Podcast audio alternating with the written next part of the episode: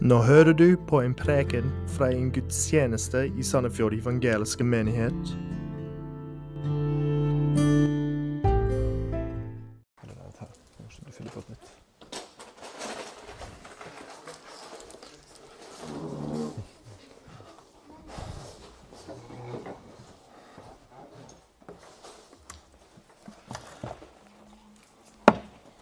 God morgen. Eh, godt å se, se at dere kom dere opp, tross en time, time mindre søvn. Eh, var det noen som, eh, som glemt det i dag tidlig? Nei? Alle hadde fått det med seg? Vi stiller klokka. Det er ikke verst. Det tror jeg er første gang jeg har vært i en forsamling hvor det ikke har vært et problem, eller blitt en utfordring. Du glemte det. Ja, men bra. Men du kommer likevel. Det er viktig å være ærlig og bekjenne. Så Nei, men det er bra. Kjekt å se deg like fullt, Jason. Kjekt å se deg. Ja, vi ser her. Et øyeblikk her. I dag skal vi fortsette i gjennomgangen vår av første Peters brev. Vi er i kapittel 2. Vi skal se på vers 18-25. Men før vi leser teksten sammen og ber sammen, eh, så skal vi ta og bare ta et steg tilbake og tenke litt på hva mandatet var til mennesket fra begynnelsen av. Det er jo disse velkjente versene fra første Mosebok 1, hvor Gud sier til, eh, til mennesket til Adam og hans eh, hustru Eva Vær fruktbare og bli mange. Fyll jorden. Legg den under dere og råd over havets fisker og himmelens fugler og over alt levende som rører seg på jorden. Innbefattet i dette mandatet til menneskeetten, som, eh, som jeg tror gjelder fremdeles for oss i dag, er mandatet til å arbeide, til å gjøre en jobb. De skulle legge jorda under seg. Det skulle ikke skje av seg sjøl, men de skulle ut og kultivere jorda, legge den under seg, de skulle råde over dyrene.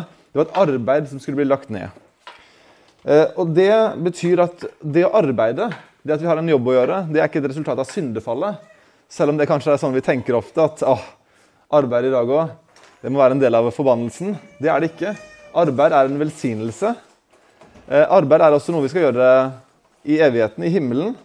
Eh, det står om, om, eh, om, om den evige tilstanden i åpenbaringen 22 vers 3. Det skal ikke lenger være noen forbannelse. Guds og lammets trone skal være i staden, og hans tjenere skal tjene ham. Og I det ligger det at vi som er Guds tjenere, skal tjene Gud. Og Så kan vi jo sikkert diskutere hvor, i hvilken grad det innebærer arbeid, og hva slags arbeid det er snakk om. Men at ikke vi skal ligge på en sky i evige tider og bli servert Philadelphia-ost og høre på harper bli spilt, det er ganske sikkert. Vi skal gjøre et arbeid også i himmelriket. Det, det er en del av vår eh, natur å, å utføre noe. Være med å være skape ting, forme ting, eh, kultivere ting. ting være med å, å legge til rette for at ting kan gro osv. Arbeid er en velsignelse. Det er noe som er gitt til oss. Og det er en del av vår, eh, si, vår iboende natur at vi skal være med å gjøre, en, gjøre en jobb. Og Så skjedde jo det som, som, vi vet om at også skjedde i hagen, at synden kom inn i verden. Mennesket synda. Og, og det som var forbannelsen, det berørte akkurat det. Ja, Det var jo forskjellige dimensjoner av forbannelsen. Men en ganske viktig dimensjon av forbannelsen er den vi kjenner hver dag når vi skal på jobb. Til Adam sa han, nå er vi i 1. Mosebok 3,17.: Fordi du lød din hustrus røst og åt av tre som jeg forbød deg å ete av, skal jorden være forbannet for din skyld. Altså Jorden der mannen skulle arbeide, den skal nå på en måte jobbe imot deg. Jorden skal være forbannet. Med møye skal du nære deg den alle dine levedager. Og torner og tistler skal den bære for deg, og du skal ete av markens vekster. Og ditt ansikts sved skal du ete ditt brød, inntil du vender tilbake til jorden. For av denne har du tatt. Støv er du, og til støv skal du vende tilbake. Så oppgaven til arbeidet er en velsignelse. Men som et resultat av syndefallet så er den oppgaven til å jobbe blitt mye vanskeligere. Det er nesten så jorden stritter imot. Og jeg tror det kan overføres også til andre yrker som ikke er direkte relatert til jordbruk. De fleste av oss er jo egentlig ikke jordbrukere, vil jeg tro, i dag. Eller jeg ser jo rundt her, så ser jeg at mange av dere er litt sånn hobbyjordbrukere, kanskje. Men det er ingen av dere som lever av det. Eh, nå kjenner jeg ikke alle som er her, men eh, sånn i detalj, men jeg tror, jeg tror kanskje ikke det er hovedyrket til de fleste av oss. Eh, men det overføres til alle andre yrker vi er kalt til å gjøre. Og Når vi i tillegg vet at de fleste arbeidssituasjoner har en del medmenneskelige relasjoner, dvs. Si vi må forholde oss til andre mennesker som ofte bestemmer hva vi skal gjøre og hva vi ikke skal gjøre, og vi vet at synden har kommet inn, så skjønner vi at det er en del kompliserte forhold som oppstår med arbeidsplass. Ikke bare at det er tungt og hardt å arbeide, det er vanskelig å komme seg opp, det er slitsomt å gjøre jobben vår. Men vi må også forholde oss til andre mennesker, ofte mennesker som sier hva vi skal gjøre. Hvis vi har en sjef eller to, arbeidsgivere, som vi må forholde oss til. Og det kan skape kompliserte situasjoner. Og det er den situasjonen der som, som Peter adresserer i 1. Peters brev kapittel 2, vers 18-25. Det er forholdet mellom de troende og eh, Konkret så er det egentlig mellom troende slaver og sine herrer. Men vi skal utvide prinsippet ganske med en gang og si at det gjelder eh, egentlig alle som har en arbeidstaker, en som gir deg jobb og som bestemmer hva du skal gjøre i mindre eller større grad. Eh, og så skal vi også se at det gjelder for en del andre dimensjoner også. La oss lese sammen 2. Peters brev 18 25. Dere tjenere, underordner dere under deres herrer og vis dem respekt. Ikke bare de gode og rimelige, men også de vrange. For dette finner nåde om noen har samvittighet for Gud, tåler sorg når han lider urettferdig. For hvilken ros fortjener dere vel om dere finner dere i straff når dere har synda? Men om dere tåler lidelse når dere har gjort godt, da finner dere nåde hos Gud. For til dette ble dere kalt, fordi også Kristus led for dere og etterlot dere et eksempel for at dere skal følge i hans fotspor. Han som ikke gjorde synd, og det ble ikke funnet svik i hans munn. Han som ikke skjelte igjen når han ble utskjelt, og ikke truet når han led, men overlot det til han som dømmer rettferdig, han som bar våre syndere på sitt legeme opp på treet, for at vi skal dø bort fra synden og leve for rettferdigheten. Ved hans sår er dere blitt lekt. Dere var jo som villfarne får, men har nå omvendt dere til deres sjelers hyrde og tilsynsmann. La oss be sammen. Gode far, vi takker deg for ditt ord til oss, som er eh, levende, virksomt og som er praktisk, og som eh, gir oss instruksjoner og motivasjoner til å kunne ære deg også i de medmenneskelige relasjoner som vi er plassert i, også i arbeidsgiver-arbeidstaker-relasjonen. Jeg ber om at du må hjelpe oss alle til å forstå disse prinsippene som du har lagt ned til oss. La oss forstå eksempel, la oss forstå hvordan du ønsker at vi skal forholde oss til våre sjefer, til våre mellomledere, til de som bestemmer hva vi skal gjøre, de som har høyere myndigheter enn oss. At vi kan ære deg ved måten vi responderer mot de på, også de som er vanskelige og urimelige. Og jeg ber om at det prinsippet må følge oss i alle livets relasjoner. At vi må være respektfulle, at vi må være innstilt på å underordne oss til de autoriteter som er innstilt til oss, og som vi, uh, vi, er, vi må forholde oss til i forskjellige sammenhenger. Jeg ber om at du må hjelpe oss alle til å få med oss det som blir sagt, og forstå teksten, og hjelp meg til å kommunisere klart og tydelig. Og vi ber i Jesu navn. Amen. Teksten vi har lett opp leste, og som vi skal se på, den begynner egentlig ganske, ganske snevert i sitt nedslagsfelt. Den adresserer primært slave-herre-relasjonen, som ikke vi har så mange direkte eksempler på, i hvert fall i Norge i dag. Kanskje heldigvis, eller veldig sikkert heldigvis, kan vi si. Eh, men så utvides et prinsipp som blir ganske universelt og generelt, før vi får et eksempel til etterfølgelse for oss alle. Så selv om på en måte eksempelet vi begynner med, eller det vi skal se på først, som er, er på en måte befalingen gitt til, det er til slaver som er under herrer, så skal vi se at det har ganske sterk relevans for alle av oss, selv om vi kanskje ikke har en jobb, eh, og selv om vi ikke er voksne nok til å jobbe ennå. Så jeg tror det her skal være relevant for dere som er barn, dere som går på skolen, dere som går idrettslag, og oss eh, litt eldre som, har, eh, som, går på jobb og har en sjef å forholde oss til. Så la oss se på befalingen i vers 18. Dere tjenere, underordne dere under herrene deres og vis dem respekt. Ikke bare de gode og rimelige, men også de vrange. Ganske enkelt kan en si. Ordet tjenere er ikke det normale ordet for slave, som er dulos, men det er et annet ord, oikitai, det refererer til husholdningsslavene, eh, som var litt nærmere på familien. kan en si. Gjerne de som jobbet i huset, rent fysisk, som var tjenere. Noen av de var jo medisinske, kunne være huslegen. Eh, noen av de kunne også jobbe i området rundt, men det var som den eh, delen av slavene som var enda nærmere på husholdningen. Det kunne også være arbeidere på jorden osv., på jorden og så men, men normalt sett var det de som hadde en litt nærmere relasjon enn de generelle slavene. Disse blir her adressert. Eh, og Som jeg tror mange av oss vet, så var det eh, vanlig med slaver eh, i det første århundret. etter Kristus. Og, og, før det og lenge etter det var, var slaveri en, vanlig del av samfunnsstrukturen. Det er, det er egentlig bare en, en, realitet, så vi må, må anerkjenne at sånn var det. Uh, og de blir også adressert.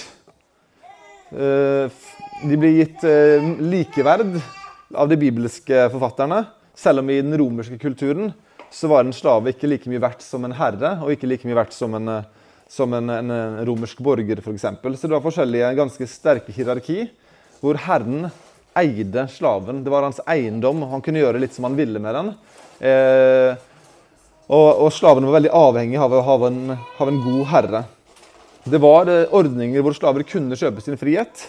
Eh, og mange av slavene, hvis de hadde gode herrer, så fikk de også utdanning og kunne Eh, bli virkelig tatt, del, tatt, inn og være en del av familien. Men de var veldig avhengige som sagt, av å ha gode herrer for å ha det godt. Eh, og Mange av de hadde jo ikke det og ble behandla eh, som dyr, og av og til som verre enn dyr. Men her er det denne spesielle relasjonen som Peter adresserer. For det som var realiteten i den tidlige kirke, var at mange av de som kom til tro på Jesus, var slaver.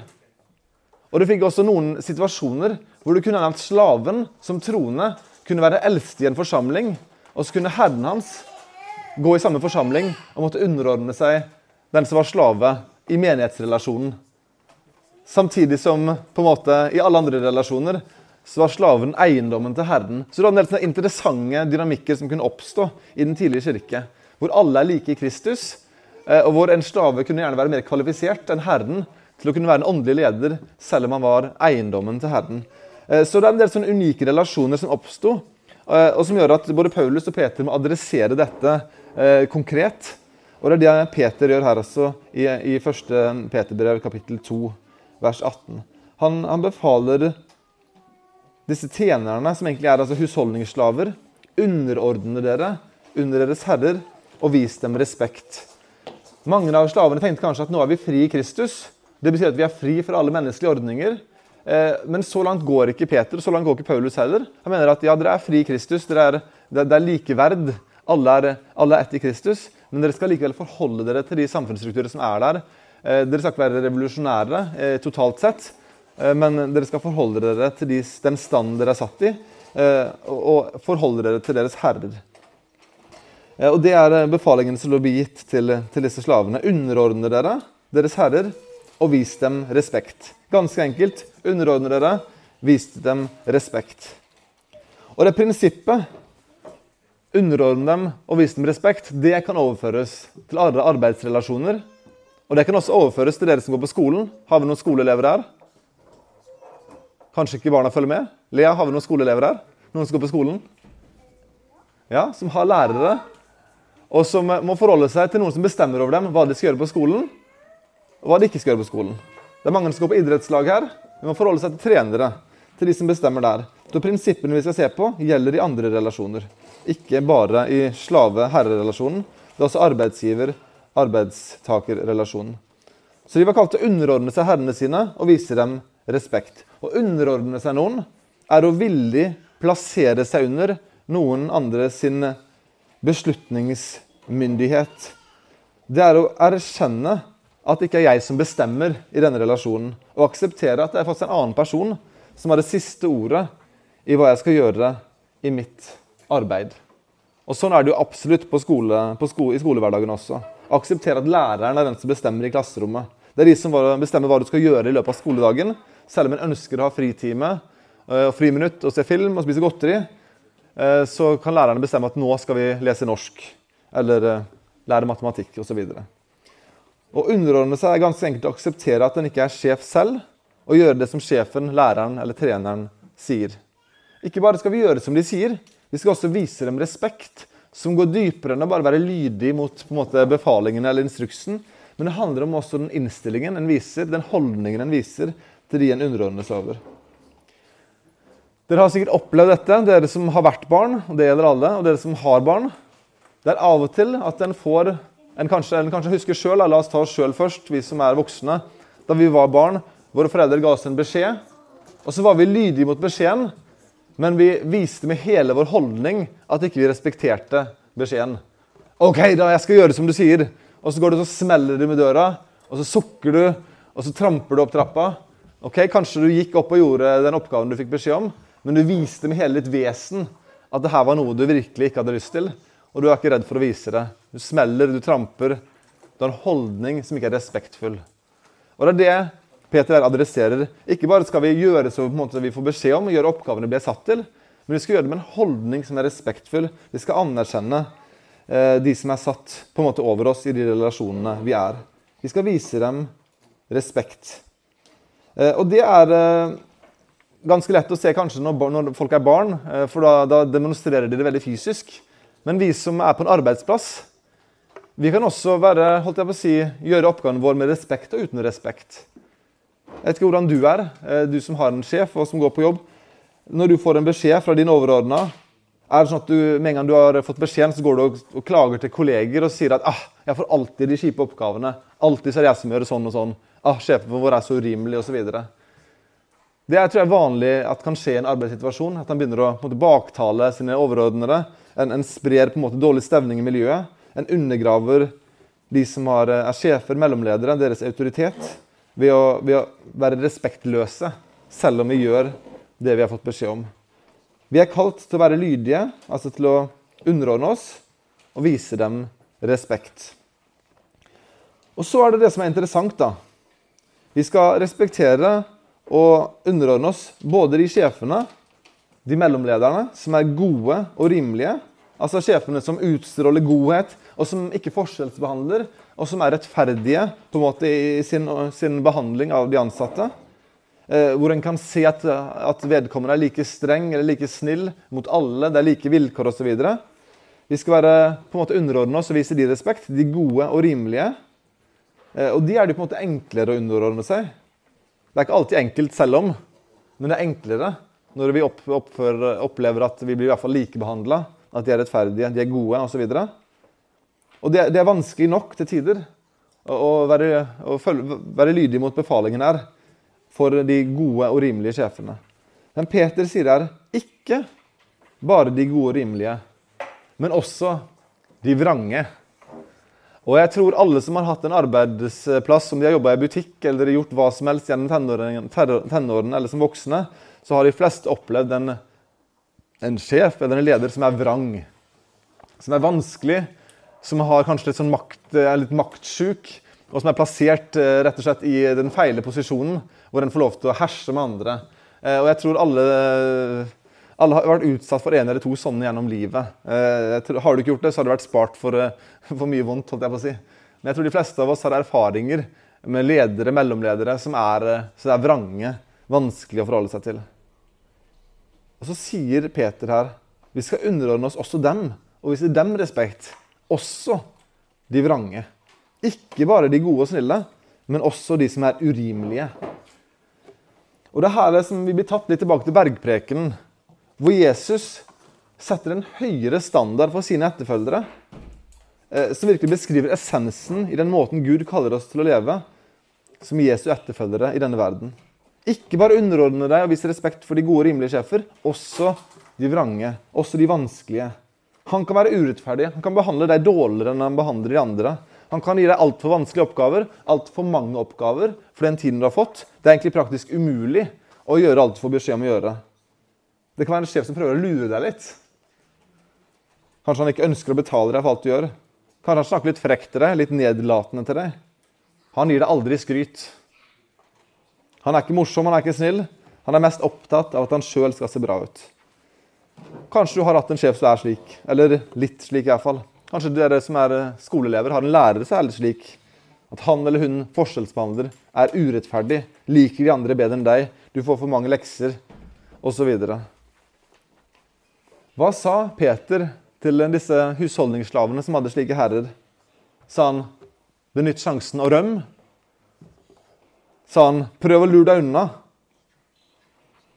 Prøv å drepe han, prøv å ta livet av han. Hva sa han? Underordne dere, vis dem respekt. Ikke bare de gode rimelige, men også de vrange. Dette finner en spesiell nåde hos Gud. Det er nesten som at Bibelen forteller oss at Gud har generelle, en visse generelle forventninger til alle mennesker. Samtidig som at Gud har noen spesielle forventninger til de som er Guds folk. Hva er den generelle forventningen Gud har til alle mennesker? Jo, at mennesker skal underordne seg under sine gode og snille herrer og vise dem respekt. Jeg tror det er en generell forventning som, som, som Gud har til alle mennesker, at en skal underordne seg de som, i hvert fall de som er gode, de som er lett å underordne seg. Det er forventningen til alle mennesker. Men så setter Jesus en høyere standard for de som er hans etterfølgere. Jeg skal lese noen vers fra Matteus 5, 43-48 fra Bergpreken. Bare lese om dette prinsippet som Jesus introduserer, og som er på en måte revolusjonerende for oss. Og som gjør eh, at vi skjønner at vår oppgave er litt, eh, ikke, litt mye vanskeligere som Jesus etterfølgere. Det er en høyere standard som er satt.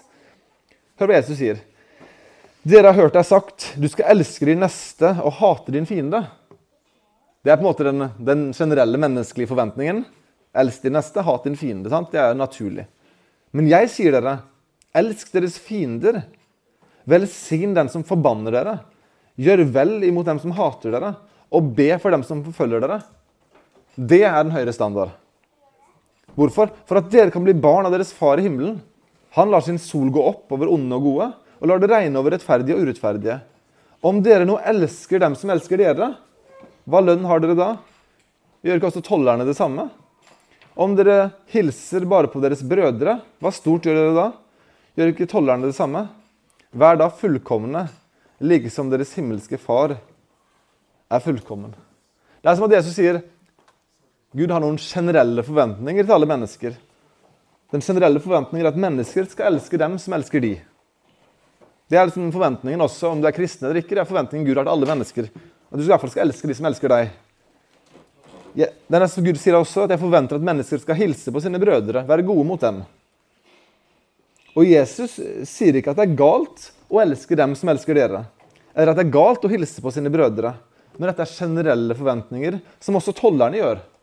Og Hvis vi vet litt om tollerne, så var ikke de kjent for å gjøre mye godt. Men selv tollerne var gode mot sine egne. De elsker dem som elsker dem, og de hilste på sine brødre og var gode mot de. Vi som er Jesu disipler, er kalt til å elske våre fiender, til å velsigne dem som forbanner, til å gjøre godt imot dem som hater oss, og be for dem som forfølger oss. Og når vi oppfører oss sånn, så oppfører vi oss som barn av vår far i himmelen. Og jeg håper eh, du forstår at det er en ekstremt høy standard som Jesus her setter. Det er faktisk veldig vanskelig, og da mener jeg faktisk veldig, veldig vanskelig å gjøre dette i praksis. Bare tenk, tenk gjennom på, på, hendelser i ditt eget liv. da, hvis du kan tenke på noen sånne. Nå skal jeg rippe opp i dårlige opplevelser. Men hendelser i ditt liv hvor folk har vært, eh, åpenbart vært urimelige mot deg, slemme mot deg. Du har opplevd at noen kanskje har forbanna deg på en eller annen måte. At, at noen av dette har gjort deg vondt. Hvor ofte har din naturlige reaksjon vært å bare svare med kjærlighet og ettergivenhet og forbønn og godhet tilbake.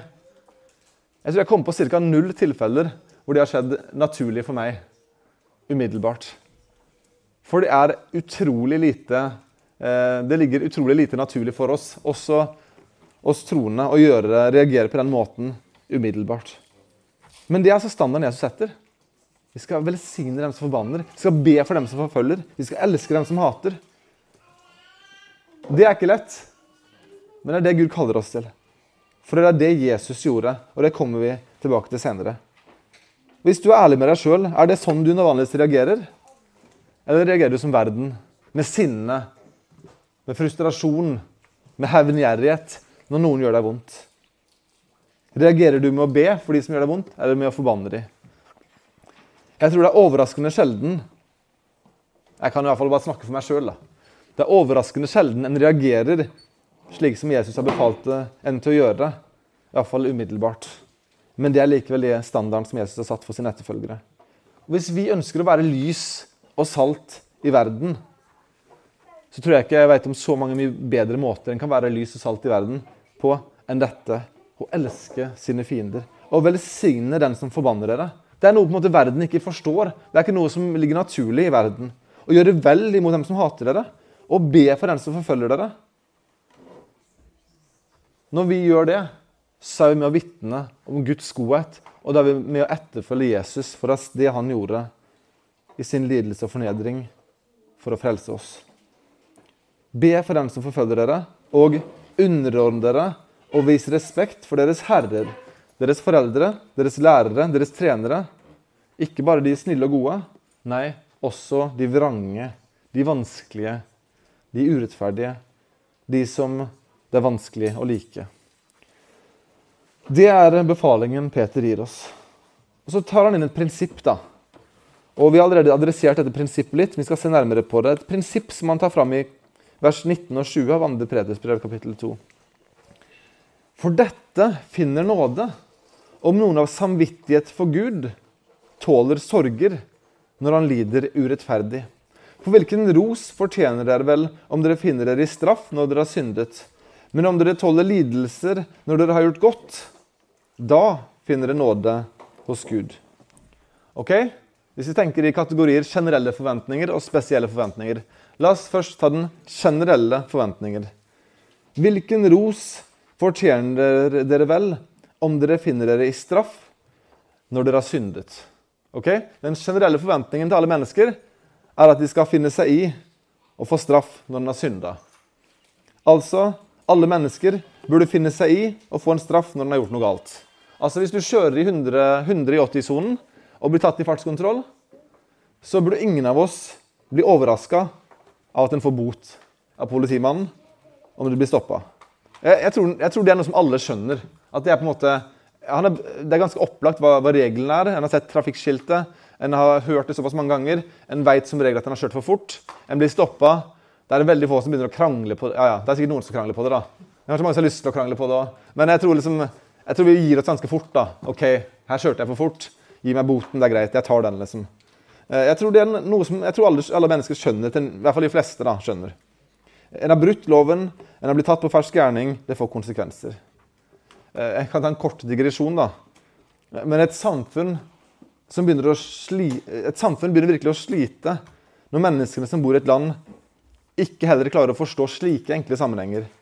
Altså at det, det får konsekvenser å bryte loven for de mest åpenbare regelbrudd. Når et samfunn kommer dit at, at den generelle oppfatningen er at det også er rart, at en får straff for åpenbare lovbrudd, da, da, da, er et samfunn litt problemer. Da. da er lovløsheten kommet for å bli. Eh, og Digresjonen er at her må vi som foreldre ta et, ta et ansvar sant, i oppdragelsen. Vi må sette noen grenser i våre egne husholdninger. Det må være en konsekvens for å bryte disse grensene. Om det er at de ikke får se barne-TV, eller om du, om du inndrar lørdagsgodteri, eller hva det skulle være. da. Eh, at ikke dere får dra på kino. Jeg vet ikke hva det er for noe dere har i deres, deres, hjem. Det må være noen konsekvenser for lovbrudd. For sånn virker samfunnet. Sånn er, det, sånn er det bare. Kjører du for fort, så får du straff. Og hvis innbyggerne i et land ikke forstår at det er konsekvenser å bryte loven, da har et samfunn et stort problem. Og Der har vi som foreldre en, en stor jobb for å, for å, forberede barna våre på, på at sånn er, sånn er, virkeligheten, sånn er verden. Og Det er en forventning som jeg tror, tror Gud har til alle, alle, foreldre, uavhengig om de er kristne eller ikke. At det må være konsekvenser for lovbrudd. For sånn er, sånn er det i verden, sånn er samfunnet. Det er den generelle forventningen. Men så er det forventningen til oss troende, den generelle forventningen, som er enda høyere. Hvordan er den? For dette finner nåde. Om noen har samvittighet for Gud, tåler sorger når han lider urettferdig. For hvilken ros fortjener dere vel om dere finner dere i straff når dere har synda? Men om dere tåler lidelse når dere har gjort godt, da finner dere nåde hos Gud. Prinsippet blir gjentatt to ganger. Vi finner nåde hos Gud om vi lider urett av samvittighet for Gud. Hva betyr det her? Det betyr at Gud har behagere på en spesiell måte. Det er noe som er i tråd med Guds karakter. Vi er Kristus-lik om vi tåler sorger og lidelser til tross for at vi har gjort godt. Hva er motivasjonen for det? da? Jo, om noen av samvittighet for Gud tåler sorger når han lider urettferdighet. Hadde jeg levd for meg sjøl og for min egen ære, så hadde det ikke vært noen ære eller fordel å tåle sorg og lidelser når han har gjort godt. Da måtte jeg forsvart meg sjøl. Da hadde jeg slåss tilbake. Da burde jeg krevd min rett. Men når jeg veit at jeg er Kristi ambassadør på jorden, at jeg etterfølger Han, at jeg er kalt til å demonstrere Guds nåde og kjærlighet til verden gjennom mitt liv, så kan vi, på grunn av at Gud er behagere, lide urett. Også når vi har gjort godt. For det er det Jesus Kristus gjorde. Og igjen, det her er ekstremt vanskelig. Tenk gjennom eget liv og spør deg selv hvor mange ganger har jeg reagert slik. Gud kaller oss til en høyere standard. Ikke bare den generelle standarden, men den spesielle standarden. Og til og med tåle straff og lidelse når den ikke har brutt loven. Hvorfor er vi kalt til det? Jo, for det vitner til verden om Guds natur, Guds omsorg for oss, demonstrert gjennom livet til Jesus Kristus. Dere husker kanskje hvorfor de tidlige kristne ble kalt kristne? Fordi de troende var opptatt av å etterfølge Jesus med sine liv og leve som han gjorde. Om du er kristen i dag, så burde målet ditt være det samme. At du blir gjort mer og mer lik Jesus for hver dag som går. At Jesus skal få ta skikkelse i deg. Og, og en del av det er at egoet, jeget, det som skal forsvare egen ære, at det må bli mindre. At det som vil fremme ens egen person, ens eget eh, ja, Det man kaller egoet, jeget, det må avta. Og den delen som, som skal ta form for Christ, bli Kristus mer lik, den som kjemper for Jesu ære, gjennom å elske Gud, gjennom å elske mennesker, den må bli større. Og Det er overgangen Peter tar for oss også. Vi har fått en befaling om å underordne oss og vise respekt. Vi har fått et prinsipp om å tåle urett, tåle lidelse, også når vi har gjort godt. Og så får vi til slutt ek eksempel. For til dette ble dere kalt. Fordi også Kristus led for dere og etterlot dere et eksempel for at dere skal følge i hans fotspor. Det er ikke mine ord her, her er bare sitert fra teksten. Vi skal etterfølge Kristi eksempel og følge i hans fotspor. Den oppgaven høres jo nesten umulig ut. Den er jo umulig selvfølgelig å gjøre fullt ut. Men vi er kalt etterfølge. Dette er vi kalt til. Jesus led for oss. Et eksempel, ikke bare et eksempel til å bli imponert av. Jeg tror ofte vi kan studere Jesus og bli imponert over hvor fantastisk han var. Som tålte urett, og som ikke svarte når han ble torturert. Og som hang lydig på korset. Vi kan bli imponert av han. Men tør vi også tenke at det er et etterfølgelse? Vi skal ikke bare beundre og bli imponert, men vi skal beundre og etterfølge. Det er et eksempel til etterfølgelse. Så hvordan ser Jesu fotspor, hvordan ser hans eksempel ut? Svaret kommer i vers 22 og videre. Han som ikke gjorde synd, og det ble ikke funnet svik i hans munn. Han som ikke skjelte igjen når han ble utskjelt, og ikke truet når han led, men overlot det til han som dømmer rettferdig. Forfatteren av Hebreerbrevet ber oss om på en måte det samme og bruker det samme eksempelet. La oss se på Hebreerne 12. Eh, vers 3 og 4, tror jeg det er. skal vi se. Det står om Jesus, Hebreerne 12,2.: For å oppnå den glede som ventet han, led han tålmodig korset, uten å akte vanærden, og har nå satt seg på høyre side av Guds trone. Og så sier forfatteren til, til de troende, da, til oss, ja, gi akt på han, altså Jesus, som utholdt en slik motstand fra syndere, for at dere, altså oss, ikke skal gå trett i deres sjeler og bli motløse. Sånn vi skal bli, vi skal bli inspirert av Jesus' eksempel til å være utholdende også i våre lidelser. Og så sier han til dem ennå har dere ikke gjort motstand like til blodet i deres kamp mot synden. Så her, her er oppfordringen gitt. Her er etterfølge, studere Jesus, gi akt på han, hans eksempel, og etterfølge det med våre liv. Gi akt på Jesus, se på Jesus, lær av Jesus for å forstå hvordan vi kan tåle urett i våre relasjoner i vår generasjon. Og urett det kan vi komme til å tåle mye av. Om vi tåler mye av det i dag, kommer vi sikkert til å tåle mye mer av det fremover. Eller vi må forholde oss til det, og vi er kalt til å tåle det. Så hvordan reagerte Jesus på urett? Her, her her henviser Peter til det som skjedde under hans lidelse. Peter selv var vitne til det med sine øyne, litt indirekte via venner som så det. Peter var da ikke helt oppi det hele tida under Jesu lidelseshistorie, men han så det meste av det med sine egne øyne. Og så hadde han også lest hva profeten Jesaja skrev i kapittel 53. Og det er der han siterer fra Jesaja 53, vers 7 og 9, når han nå omtaler Jesu lidelser. Du kan lese disse to versene fra Jesaja 53. Vers 7 og 9 er de han primært siterer her. Han skriver om, om den lovede Messias, om Jesus.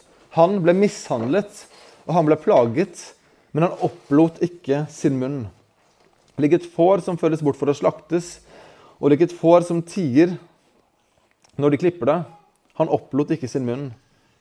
Og i vers 9.: De gav hans grav blant ugudelige, men hos en rik var han i sin død, fordi han ingen urett hadde gjort, og det var ikke svik i hans munn. Det er Jesu eksempel, som Peter siterer i 1. Peters brev 2, 18-25.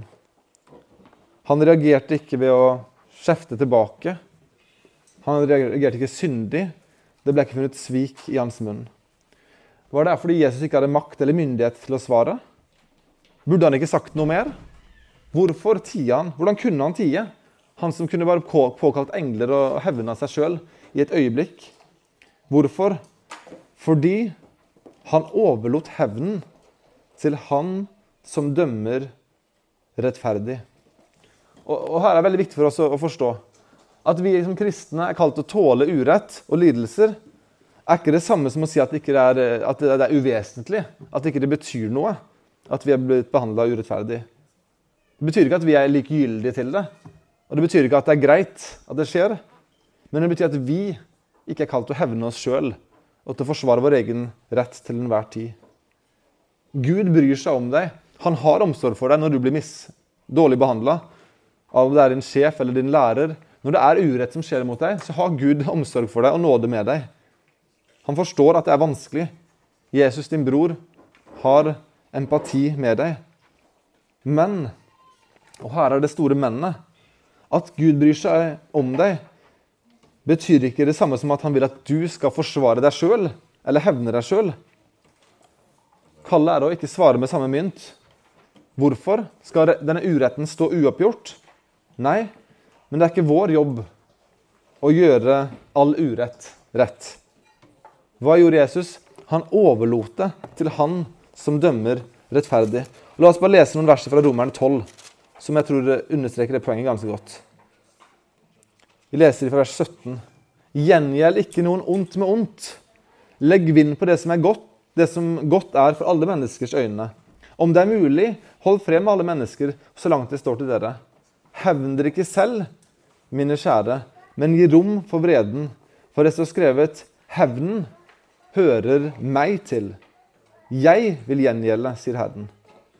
Om din fiende er sulten, gi ham å ete. Om han er tørst, så gi ham å drikke. For når du gjør det, samler du glødende kull på hans hode. La deg ikke overvinne det onde, men overvinn det onde med det gode. Her er prinsippet overvinn det onde med kjærlighet og godhet. Det er ikke likegyldig at du har blitt behandla urettferdig. Det er ikke likegyldig at urett har skjedd mot deg, og at folk har vært onde, slemme, handla urett mot deg. Men hevnen er ikke din å utføre. Hevnen hører Herren til. Det vil komme en oppgjørsdag. Det skal komme en dag hvor all urett skal bli gjort rett. Hvor ting skal bli svart for.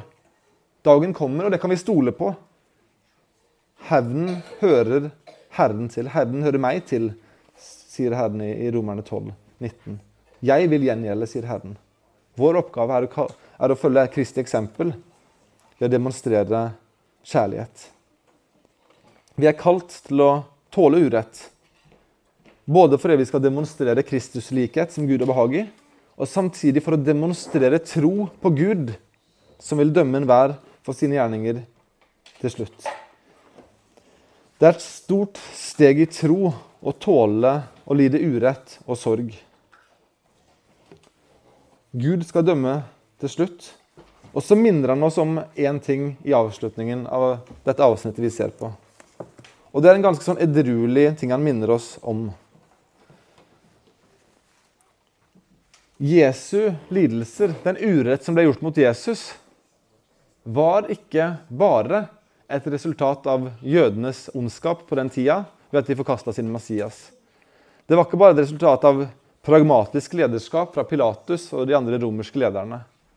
Jesu lidelser, den urett som ble gjort mot han, var et resultat av den synd som du og jeg har gjort. Hva står det i vers 24, 1. Peters brev, kapittel 2, vers 24, mot avslutningen av avsnittet? Han, altså Jesus, som bar våre synder på sitt legeme oppå treet. For at vi skal dø bort fra synden og leve for rettferdigheten. Peter sier ikke generelt at Jesus døde for verdens synder her. Det er våre synder han bar på sitt legeme. Det er dine synder, det er mine synder. Det er jo vi som gjorde han urett. Det var vi som behandla han som alt annet enn konge, herre og frelser i våre liv, i vår opprør. Det er jeg som er den skyldige her. Og Kristi eksempel da, burde ydmyke oss fordi det ikke var alle andre sin feil at han måtte dø, men det var min feil. Det var min synd. Og han led urett. Under, han led på en måte pga. min urett for å frelse meg, for å frelse oss. Og Det er liksom en edruelig tanke. At vi er de som påførte han urett, og han led villig for det for å frelse oss. Han bar vår synd på sitt legeme. Så døde han og bar våre synder på sitt legeme på korset for at vi skal dø bort fra syndene og leve for rettferdigheten. Vi er født på ny, vi er nye skapninger i Kristus. Vi skal nå regne oss døde for synden og leve for rettferdigheten. Og pga. frelsen som Jesus har gitt oss, så kan vi med tro og i frimodighet følge hans eksempel. Ja, Vi klarer ikke det fullkomment, selvfølgelig, men vi er kalt å etterfølge Jesus. Så ære Gud gjennom å prøve å leve som Jesus levde. Ved hans sår er dere blitt lekt. Dere var jo som villfarne får, eller sauer om du vil, men er nå omvendt til deres sjelers hyrde og tilsynsmann. Vi er nå omvendt til Jesus. Det er en objektiv realitet. Født på ny, omvendt, kalt inn i hans saueflokk. Vi er under Jesu unike beskyttelse og omsorg. Og pga. det så har vi blitt gjort i stand til å kunne etterfølge Jesus med våre liv. Så la meg spørre avslutningsvis. da. Hvordan er du som arbeidstaker? Hvordan er du på jobb i forhold til dine overordnede. Eller hvis du er innleid, om du er konsulent eller hva det er for noe. Hvordan forholder du deg til de som har gitt deg jobben din? Jobber du hardt? Respekterer du de beslutninger som blir tatt? Tåler du å lide urett? Dere som er barn, hvordan går det med dere på skolen?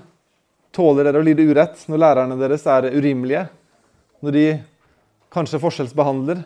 Når andre får lov til å gjøre mer gøye ting enn det dere får? Respekterer dere lærerne deres? Jesus kaller oss en høyere standard. En standard som er høyere enn det vi kan produsere i egne tanker. Han kaller oss til å lide urett, også når vi gjør gått. For det er akkurat det han måtte gjøre for å frelse deg og meg. Og for å kunne gjøre dette, så må Gud ha gjort noe med oss, selvfølgelig. Han må ha gitt oss et nytt hjerte og en forståelse av hvor heldige vi er som har Jesus. Og det er det som kanskje er utfordringen helt til slutt. da. For at det hele tatt skal være mulig for oss å kunne følge Jesu fotspor, så må vi først være sikre på at vi tilhører hans saueflokk. At vi har kommet til tro på han. At vi har forstått at det er pga. vår synd at han måtte dø, at han ble hengt på et kors. At vi forstår hans kjærlighet mot oss. At vi kommer til han i tro og blir hans brødre, hans etterfølgere. At vi blir Guds barn. Og For at vi skal klare å demonstrere den kjærligheten mot andre, så er vi nødt til å først erfare den sjøl, forstå hva Jesus har gjort for oss, og så gå ut og la hans kjærlighet smitte over på de rundt oss. Vi trenger alle nåde for å kunne gjøre dette. Vi trenger først og fremst å være Guds barn. Og La oss nå avslutningsvis be om at, at, hvis det er noen som ikke er det ennå, at de må kunne bli det. Og at vi alle må kunne, vi alle måtte kunne la Jesu kjærlighet skinne gjennom oss. God himmelske Far. Takk for at du sendte Jesus. Takk for hans eksempel. Takk for at han led urett for å frelse oss. Kjære far, vi erkjenner at det er vår synd som var grunnen til at han måtte dø. Og vi takker deg for at han led villig på korset for å frelse oss. Vi takker deg for din godhet, Jesus. Takk for at du døde for oss. Takk for at du sto opp igjen, at vi har håp om evig liv pga. det du har gjort. Kjære far, jeg ber for, for alle oss som må forholde oss til en arbeidsgiver, en sjef eller, eller folk som er vanskelig å forholde oss til i, i, i, hverdagen, som har myndighet over oss, som har autoritet over oss. Hjelp oss til å bli mer lik Jesus. Hjelp oss til å kunne respondere med godhet, med kjærlighet, også når det blir gjort urett imot oss. Kjære far, det er så naturlig for oss å kjefte tilbake og bli sint og bli frustrert. Hjelp oss til å, til å være mer lik Kristus. Hjelp oss til å elske våre fiender. Hjelp oss til å be for dem som er slemme mot oss. Kjære far, jeg ber for de, de yngste iblant oss, de som om det er i barnehagen i går eller på skolen, eller om de er hjemme, eller de, de som akkurat har begynt å erfare hvordan synden er med å påvirke medmenneskelige relasjoner. Hjelp de også til å, til å kunne overleve urett som blir gjort mot dem, ved å forstå at Jesus elsker dem. At han er glad i dem, at han beskytter dem, at det kommer en oppgjørets dag. Hjelp oss alle til å forstå det. Og vi ber, kjære far, om det er noen her som ikke har blitt en del av din saueflokk ennå, som ikke har begynt å følge Jesus, så ber jeg om at det måtte kunne skje i dag. At man kan respondere i tro på frelsen som Jesus har gitt oss. Og vi takker deg for din god mot oss, og vi ber i Jesu navn. Amen.